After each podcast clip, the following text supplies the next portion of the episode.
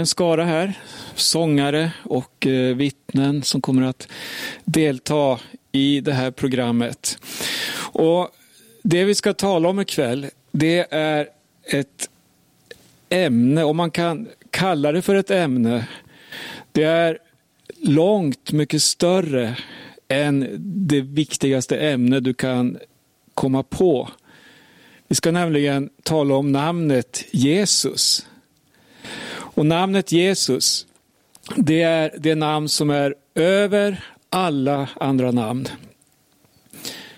Om man tänker sig den religiösa världen så finns det ju så mycket synkretism. Vi har islam, vi har österns religioner, katolicism, kristendom, evangeliska församlingar och så vidare. Och så kan man ur alla de här plocka bitar som man tycker att man kan samarbeta med, något som kan binda oss samman. Och på det här sättet skapas vanligtvis då synkretistiska världsreligioner. Men det finns ett namn som du inte kan stoppa in i dessa religioner eller dessa inriktningar. Och det här är A och O för oss allesammans. Det är så viktigt för oss, dels att ha en rätt kunskap om Jesus. Och inte bara det, utan eh, något ännu viktigare. Och det här är en gåva till oss var och en. Du kan få ha en personlig relation med Jesus. Och på det sättet få veta vem han är och veta att han är en person med innehåll som fyller våra liv. Ja, det är viktigt att ha kunskap om eh, många saker. Du kan lära dig eh, ja, stora ämnen, studera, men om du saknar livet i Jesus, då är det inte värt någonting. Då har du ändå förlorat det viktigaste som finns. Vi ska eh, fortsätta att tala om Jesus här ikväll. Och jag heter Berno Vidén. Med närmast vid bordet här sitter Nadjib, broder Nadjib från Marocko. Han ska ge oss ett bibelord också. Hans Lindelöv, äldste här i Maranataförsamlingen. Och vi ska få lyssna till flera röster. Men nu först en sång, en proklamation om namnet Jesus.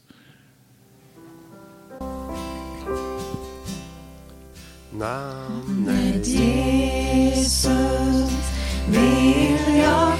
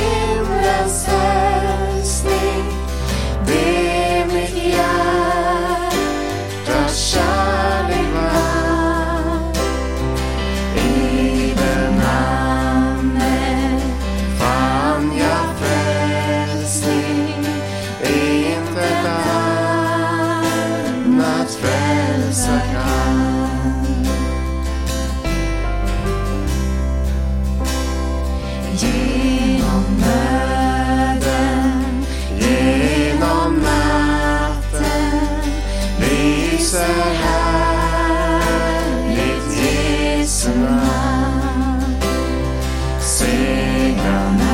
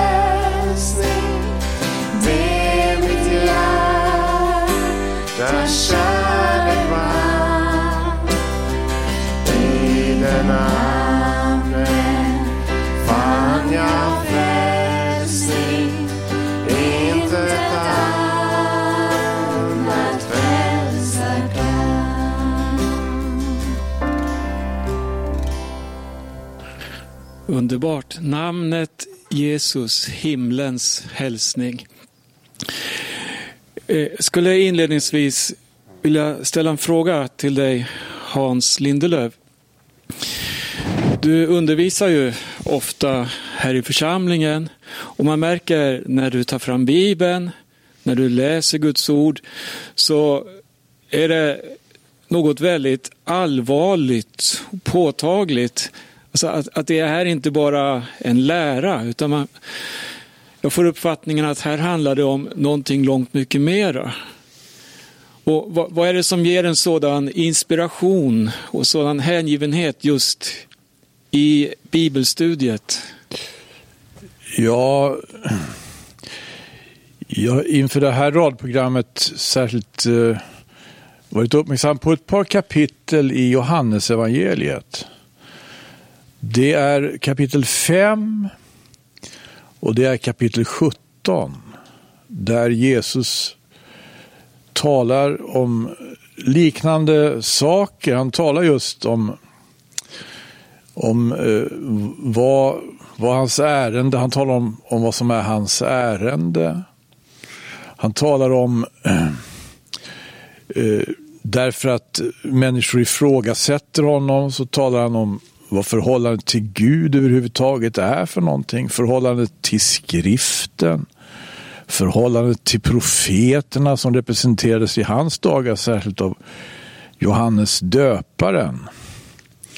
Och han, eh, han, Jesus talar ju om att det finns ett sätt att förhålla sig till eh, vitt, Guds vittnen och till det vittnesbörd Gud har givit oss. Eh, han talar om det som har givits genom skriften, han talar om det som har givits genom profeterna och han talar om det som har kommit genom honom själv. Och eh, Det är en risk att man hamnar i ett alldeles för ytligt förhållande. Det är en risk att man hamnar i ett alldeles för ytligt förhållande. Jag blir väldigt glad när jag hör vad du säger Berno. Därför att eh, jag vill inte ha ett ytligt förhållande. Eh, och eh, är det sant som du säger, då jublar jag bara och prisar Gud. Eh, därför att, vad sa Jesus till människorna på den tiden? När frågan dök upp om Johannes döparen till exempel. Han sa så här. Han var den brinnande skinande lampan. Och för en liten tid vill ni fröjdas i dess ljus.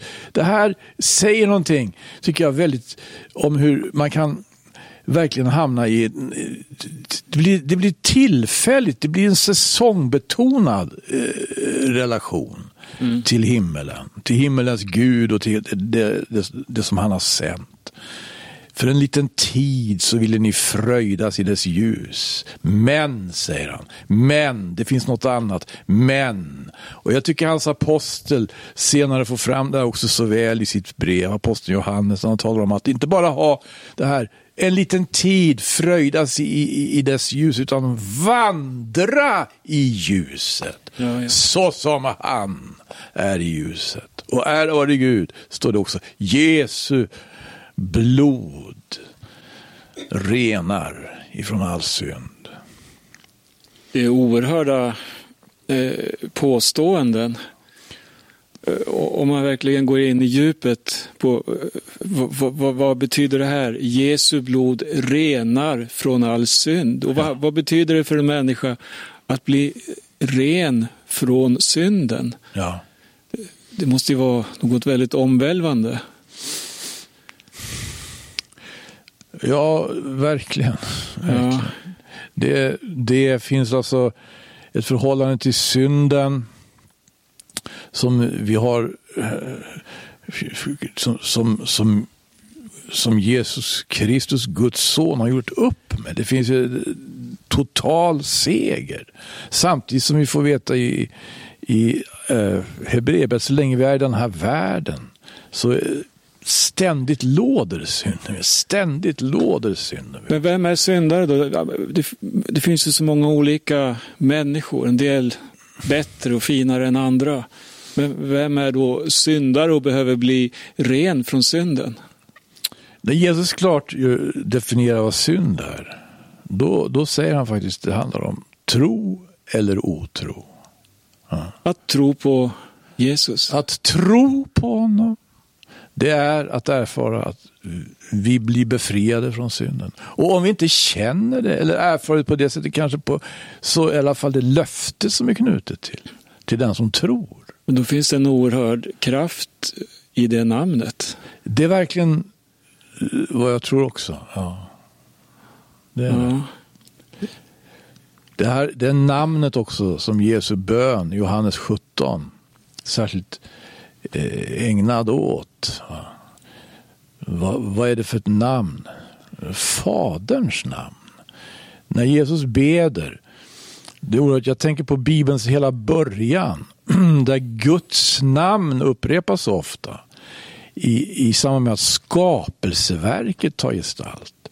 I Johannes 17 så åkallas eh, namnet då frälsaren eh, rör sig liksom i frälsningsverket i sin bön och tänker på, på de som, som det heter, som han upprepar flera gånger där, som har blivit honom givna. Johannes 17 är en väldigt, det är en väldig glädje.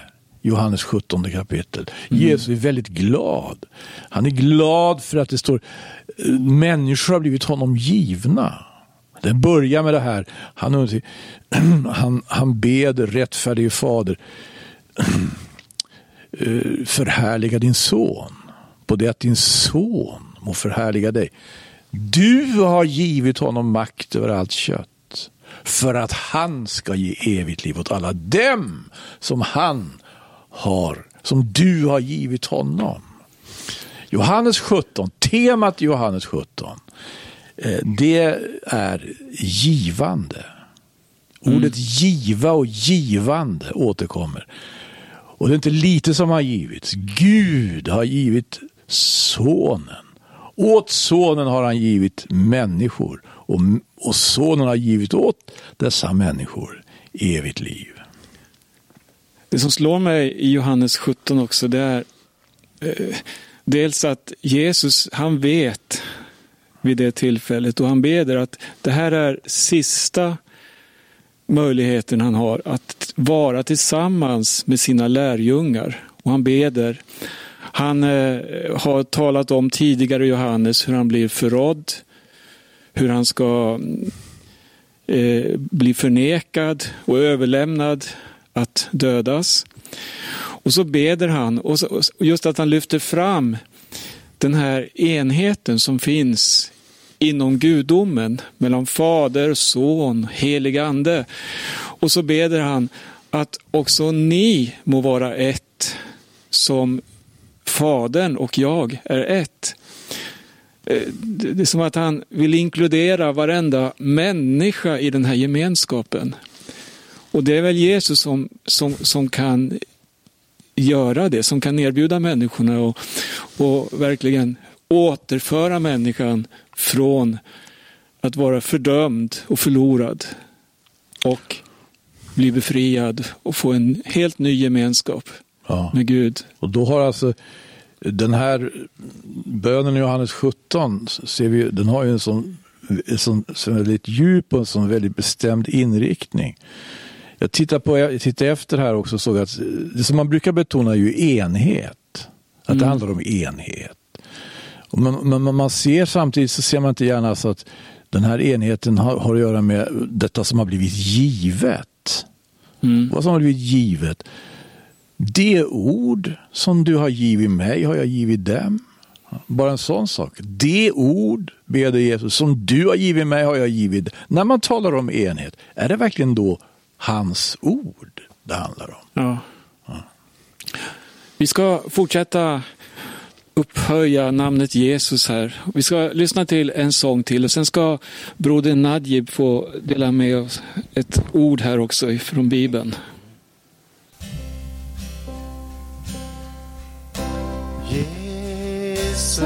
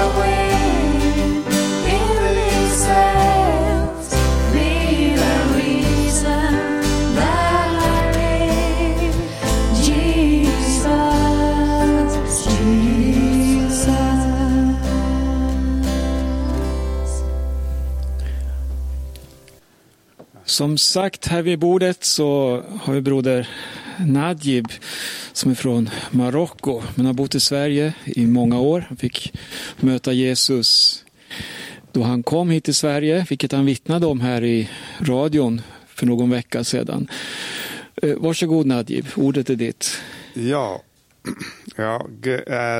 Eh, det är så att jag är tacksam att höra dig eh, prata just om hur det är, det här religioner. Att det finns så mycket religioner i världen. Och, eh, eh, och eh, den, den gör att det blir grumligt i sinnet. Det blir helt... Det blir grumligt. Och vi vet att när Jesus, första, när Jesus föddes i den här världen, redan var det förföljelse. Eh, alltså det här Jesus, det här namnet Jesus, från början, eh, han var inte välkommen i den här världen Nej, nej. redan. Och eh, vi, vi ser hur många religioner, de gör allt, gör precis allt för att kunna hindra människor att veta vem Jesus är. Och det, eh, det är ju det. Eh, vi ser, eh, vem är Jesus? Jesus, han är, det är en gåva från Herren. Det är en gåva för att fullkomla, han kom till jorden för att fullkomliga Guds vilja för mänskligheten som har, som har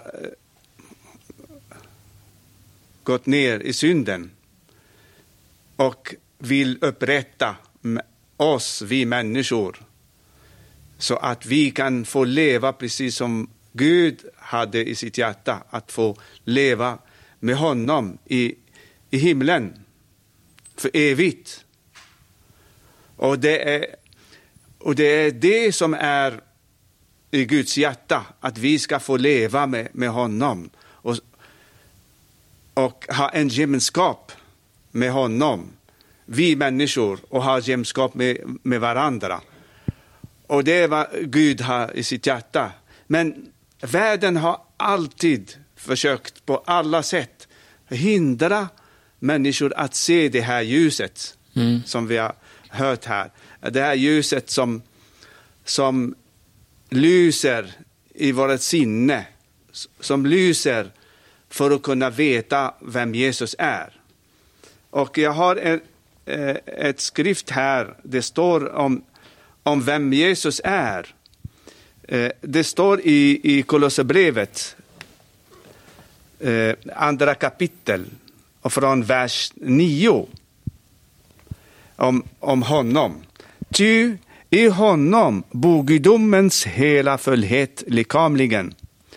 Och i honom har ni blivit delaktiga av den fullheten.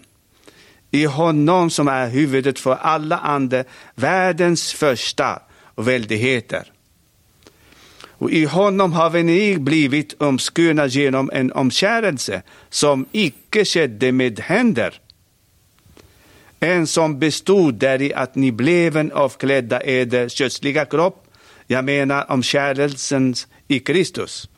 Det är lite svårt att förstå det, men, men när man kommer och, och eh, veta vem Jesus så är det lättare att förstå. Och eh, vi behöver Guds ande som är skickat genom Jesus för härlighet, för härliga. Eh, och det är för att förstå skriften. Eh, Och här, här skriver de eh, till de troende. Eh, Ja, Ja. de, de, de, de människorna levde ju också med de här begreppen. Vad, vad, vad betyder en omskärelse? Det var ju en ritual inom judendomen. Men här skriver Paulus om att den har en helt ny betydelse. Det handlar om att tro på Jesus. Amen. Om vi kan översätta det Eh, eh, lite ja. mer förståeligt. Ja, eh, jag ser i, jag kommer från ett muslimskt land och jag har fått sen eh, modersmjölken veta om islam och eh, det är bara det som är eh, det är på det sättet man kan komma till himlen. Det är den vägen som vi ska till himlen. Och det handlar, det finns där omskärelse. Mm. Och den är en, en ganska stor bit. Alltså muslimer, de, eh, män eller pojkar, de ska omskäras efter eh, några månader. Och det är ett, eh, det är ett, eh, ett måste Ja, ja. för alla muslimer. eh, Pojkar ska omskäras. Och eh, här- här redan ser vi hur fe, felaktigt det är. Det är Gamla Testamentet som Gud har sagt om det Ja. eh, till Abraham. Men, men här, eh, det handlar om helt annat vad Jesus menar. Han menar att eh, det är omskärelse, hjärtats omskärelse, det är en, en, en, Omvändelse. en omvändelse till Herren, till honom. Omvändelse, det är att tro på Jesus. Ja. För att och veta vem Jesus eh, Tro på honom och tro på vad han har gjort och förstå evangelium om, om, om, om frälsningen från synden, att man erkänner att man är en syndare, att man behöver, eh, man behöver Jesus för att kunna bli räddad. Och det det som är väldigt viktigt. Eh, Men, men fortsätt och läs några Ja. verser. Just det. Eh, det står här i i tolfte versen också. Ni haven ju med honom blivit begravna i dopet. Ni haven och i dopet blivit uppväckta med honom genom tron på Guds kraft, han som uppväckte honom från de döda. Ja, också är det som varen döda genom edra synder, genom edets kötts oomskurighet, också eder har han gjort levande med honom, ty han har förlåtit oss alla våra synder. Underbart. Han har nämligen utplånat den handskrift som genom sina stadgar anklagade oss och låg oss i vägen. Den har han skaffat undan genom nagla den fast vid korset. Han har avväpnat andevärldens första och väldigheter och låtit dem bliva till skam inför alla i det att han i honom har triumferat över dem. Fantastiskt. Amen. I honom och det är ju i Jesus. Amen. Det är så underbart. När man bara läser det här så ser man vem Jesus är. Ja, Vilken, vilken prins. ja himlaprinsen Ja, amen. som kom hit Ja, och blev människa tack och för lov. att Ja, utplåna synden på det här sättet. ja, Ja, det är amen. fantastiskt. Vi ska få lyssna till en sång till här av våra vänner. Jag ska presentera dem också. Det är Elaine, Diana, Jonathan, Magdalena och Anneli som sjunger.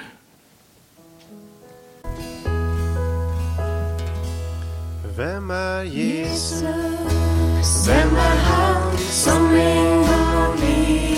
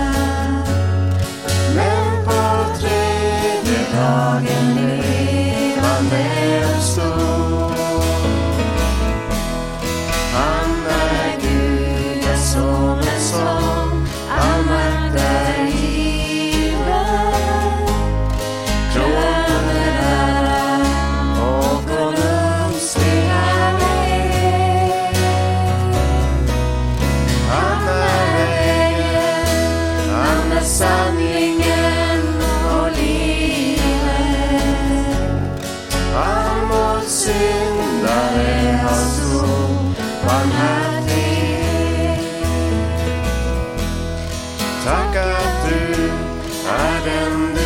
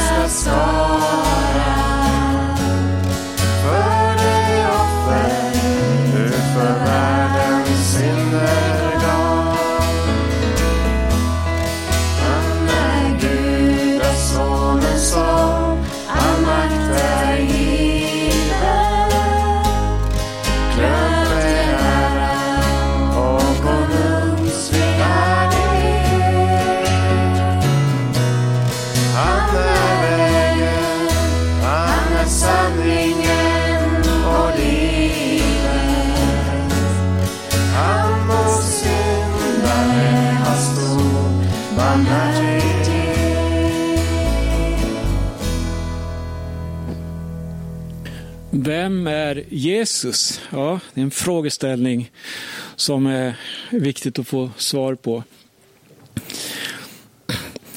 Jesus, han är, som vi har hört här i programmet, han är det namn som är över alla namn. Han är den störste. Men han lämnade också himlens ära. Han blev gjord till tjänare. Alltså han, han lämnade, la åt sidan detta att vara Gud lika och blev allas vår tjänare. Så säger Bibeln. Eh, Magdalena Lindros, du eh, har också fått möta Jesus. Ja. Vad betyder det för dig? Ja, det betyder allt för mig. Eh, Jag har ju vuxit upp i en kristen familj och jag har liksom jag kan inte säga exakt den dagen jag blev frälst, men jag har liksom lärt mig att vandra med Jesus och jag har mött Jesus. Eh, Så, ja. Ja. Jag vet att du också eh, har skrivit sånger och du uttrycker på många olika sätt just den här kärleken till Jesus. Ja, verkligen. Jo, jag älskar Jesus verkligen. Eh, Och om man begrundar, försöker begrunda Jesus kärlek till oss, det, det går liksom inte att förstå det. Eh, Och då... Det enda man... Ja, Mm. jag tappar orden här, men att älska Jesus, det, det är det största man kan göra, det bästa. Men har du aldrig tvivlat? Jag har tvivlat. Det har jag gjort. Det tror jag alla har gjort någon gång. Eh, Men eh, man får alltid söka Gud och söka svaren. Och eh, jag har alltid funnit honom igen. Och han har alltid funnits där för mig. Eh, Trofast och trogen.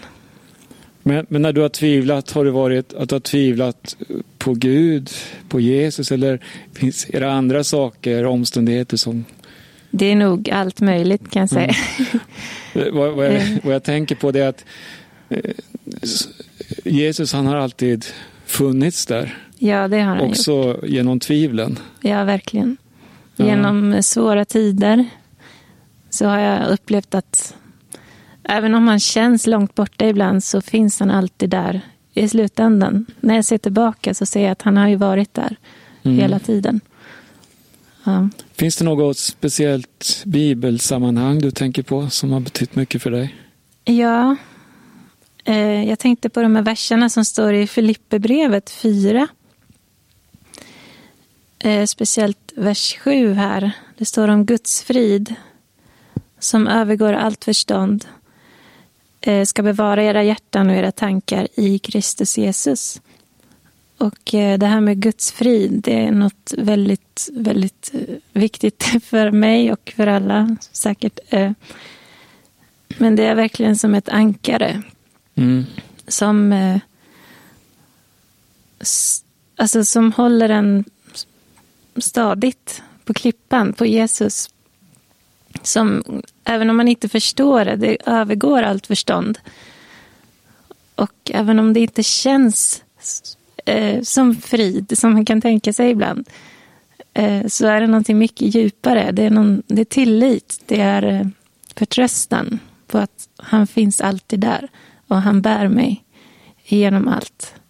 Men det du säger här nu, det, det, det är sånt som människor vill ha. Man vill ha tillit, förtröstan, man vill ha frid. Ja, det tycker jag att människor letar efter när jag ser på om man hör vad folk pratar om i världen. Ja, Och svaret är ju så enkelt, men ändå så... Ja, just det här att ha en barnslig tro. Det tror jag är svårt för människor ibland. Men det är det enda som krävs. gå ut en fredag eftermiddag och du ser långa, långa köer vid Systembolagen Ja, exempelvis. precis. och det måste ju tyda på något att man vill, ja, man vill fylla ut livet med någonting annat än det man vanligtvis har. Ja, man vill ju fylla, göra livet meningsfullt med det som man kan hitta här i världen. Men eh, jag själv finner min mening med livet i Jesus. Även om jag inte... Även om, yt, om, mitt, om mitt yttre liv, synliga liv, hur jag lever, det är inte så glamoröst. Nej. Men eh, jag har frid i Jesus och han ger mig allt jag behöver.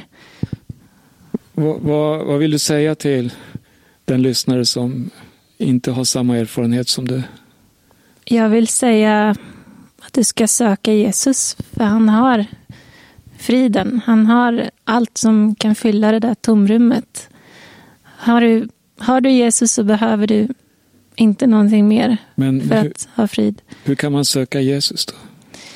Du kan be till Jesus. Du kan, Var som helst? ja, vart som helst. Och du behöver inga ritualer, du behöver inga färdigskrivna böner.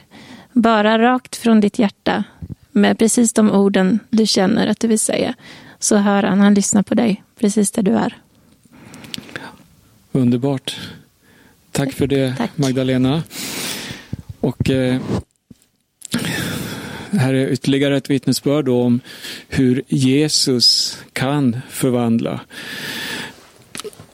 Vi ska få ännu en sång här. Det blir mycket sång här ikväll och som ni hör så är Jesus i centrum också i sången. Varsågoda.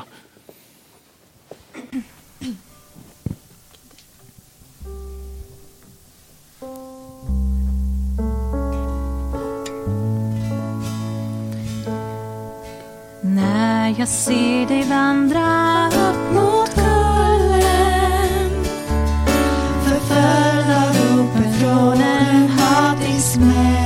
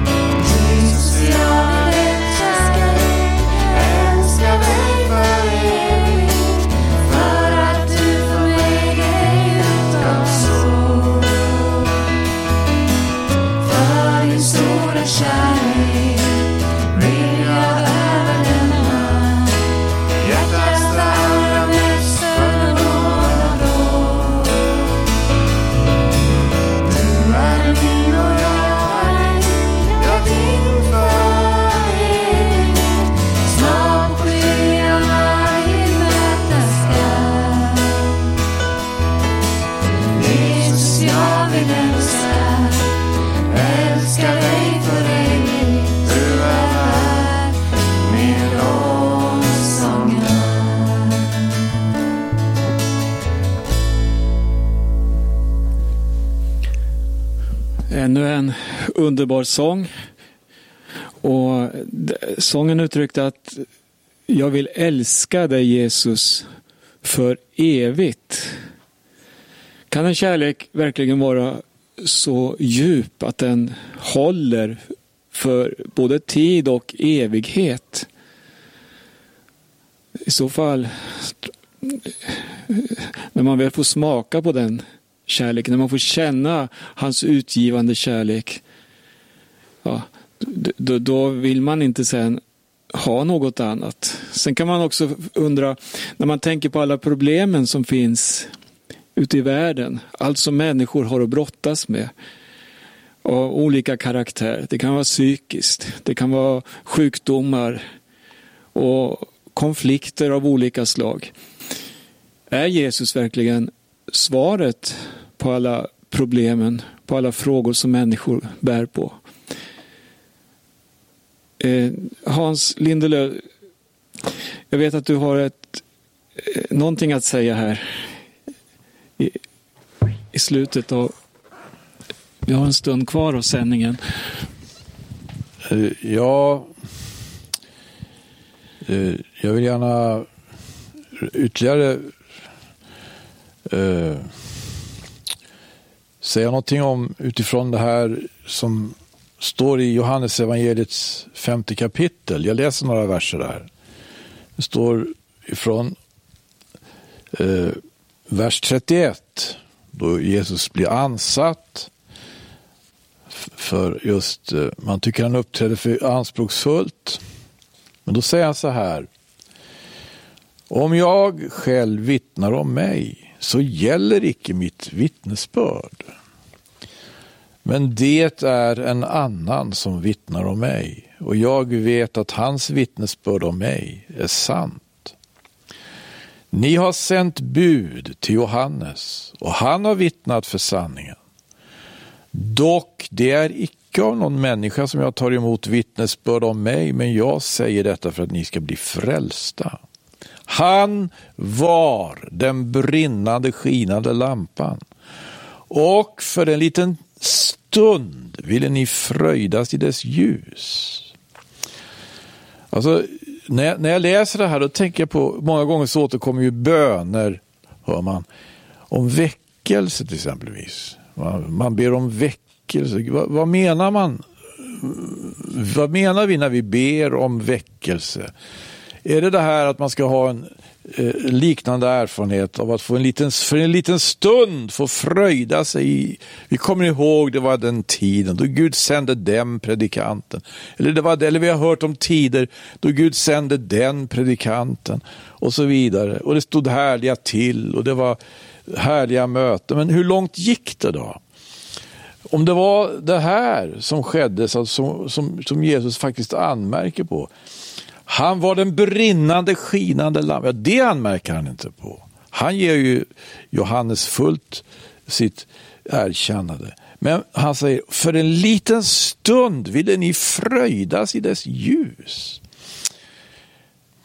Det här är faktiskt eh, någon slags... Det här, det här är en anmärkning som han riktar. Va? Därför att det, det, det, det Gud gör, det, det, det är inte för att det ska bara vara en liten stund. Det ska det inte. Det ska inte bara vara... Eh,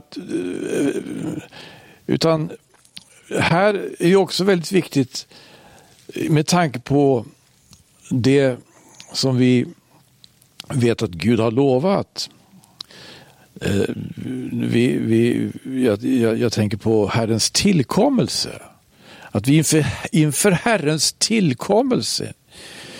Vad var det som var problemet? Det finns en av Jesu liknelse som tycker jag eh, kanske kan illustrera någonting av det här problemet. Det var, eh, och det här är, om jag läser från Matteus evangeliet 25 kapitel, då Jesus ger oss några liknelser. Han säger bland annat så här. Då ska det vara med himmelriket så som när tio jungfrur tog sina lampor och gick ut för att möta brudgummen. Men fem av dem var oförståndiga och fem var förståndiga. De oförståndiga tog, tog väl sina lampor men tog ingen olja med sig. De förståndiga återtog olja i sina kärl tillika med lamporna. Då nu brudgummen dröjde blev de alla sömniga och somnade. Men vid midnattstiden göd ett anskri, se brudgummen kommer, gå ut och möt honom. Då stod alla jungfrurna upp och redde till sina lampor. Och det oförståndiga sa till det förståndiga, giv oss av er olja, ty våra lampor slockna. Men det förståndiga svarade och sa nej, den skulle ingalunda räcka till för både oss och er. Gå hellre bort till de som sälja och köp åt er. Men när de gick bort för att köpa kom brudgummen och det som var redo gick in med honom till bröllopet och dörren stängdes igen. Om sidor kom och de andra jungfrurna och sa Herre, Herre, låt upp för oss. Men han svarade och sa, sannerligen säger jag er, jag känner er icke. Vaka för den skull, ty ni vet icke dagen, ej heller stunden, då han kommer. Och då gäller det att inte ha ett ytligt förhållande bara. Vad var det som gjorde att oljan hade förbrukats? Jag föreställer mig, det är väl inte helt orealistiskt att tänka att vad som gör att oljan förbrukas i lampan, det är att man har använt den för att lysa med. Det kan väl tänkas. Men vad, vad har man då lyst? På vilket sätt har man, har man lyst? På vilket sätt har man, om man säger överhuvudtaget, fattat sin uppgift att lysa? Och Eh, jag kan inte hjälpa, det finns en... Jag, jag, tycker det verkar som att Jesus han anmärker på en fåfänga som kan komma i, i även eh, alltså, så här allvarliga frågor. För en liten stund ville ni fröjdas i dess ljus. Vad ville man för en stund ville man lysa? Man ville inte, man ville inte lysa då det gällde att lysa. När gällde det att lysa? Och då, det gällde att lysa för brud och brudgum. Men då brud och brudgum kommer så fanns det inget ljus kvar. Vad hade ljuset gått åt till då? Kanske hade man fröjdats i det, men förbrukat det. Fåfängt hade ljuset. Det behöver inte för, det ljus som vi, som vi har från Gud ska inte, ska, ska, ska, ska inte behandlas på det sättet. Vi ska, vi ska se till att vi verkligen, eh, som det heter, kommer in i det. Vandrar i det. Och eh, på ett sådant sätt också att vi är utrustade när det gäller. När är det det gäller? Nu är det det gäller. Vad Herren har sagt, det är. I en stund då ni inte väntade ska Människosonen komma. Och då gäller det att vara redo. Verkligen allvarliga ord. Och eh, när man tänker på det här människors eh, bild utav Jesus. Det kan också lätt bli det här historiska, något som var där och då. Han föddes i Betlehem. Allting började i Betlehem. Han föddes där i ett stall och vi kan läsa om hans barndom och hur han växte upp och så vidare. Men faktum är att Jesus, han är av evighet. Bibeln berättar redan från första Mosebok och genom hela Bibeln till sista boken, Uppenbarelseboken, om Jesus på olika sätt. Så från Bibelns första blad så kan vi läsa om Jesus ända till slutet. Och det skildrar hans person, hans gudom och allt vad han är, allt vad han representerar. Eh, vi kan ta gamla testamentet. Det berättar om skapelsen, om hur allting blev till, men så kommer vi in i Nya Testamentet och då ser vi hur Jesus, han står med också i skapelsens centrum. Genom hans ord. Det finns alltså en gudom som inte är bara eh, tillfällig, utan det är ett evigt budskap som vi har. Jesus och det han ger, det är bestående. Det är ingenting som idag eh, ploppar upp som en eh, känsloreaktion i våra liv, utan det är någonting som förvandlar inifrån och som ger oss ett nytt liv, ett liv som varar i evighet. Så stor är Jesu kärlek, så ofattbar är hans nåd. Och Vi skulle kunna fortsätta timme ut och timme in och, och tala om denne Jesus och allt vad han förmår, allt vad han kan göra. Men jag skulle vilja till sist, innan vi lyssnar till ytterligare en sång, så skulle jag vilja uppmana dig som lyssnar på det här programmet. Du kanske inte har tagit emot Jesus. Du kanske inte vet vem han är, vad det handlar om. Eh, det är inte det viktigaste. Men det finns, eh, jag kan säga så här, ett djup som ropar till djup. Du har ett rop inom dig. Ett rop efter förändring. Ett rop som eh, kanske bygger på ångest, förtvivlan. Men kom ihåg att djup ropar till djup. djup. Gud, han är dig närmare än någon annan människa. Och han förstår allt som du bär på. Det var därför han sände sin son Jesus. För att vi människor ska få gemenskap med Gud igen.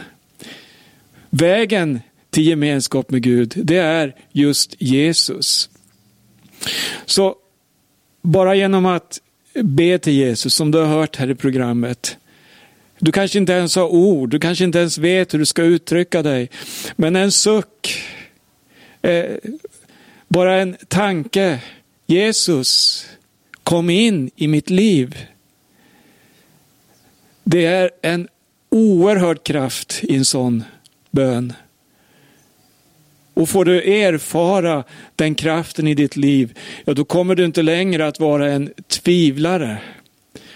Utan då kommer du att veta genom egen erfarenhet att Jesus lever och att han kan förvandla. Så jag hoppas att eh, de här minuterna som du har lyssnat nu, att det får vara dig till hjälp. Så att du inte går miste om det absolut viktigaste som finns här i livet. Det är att lära känna Jesus.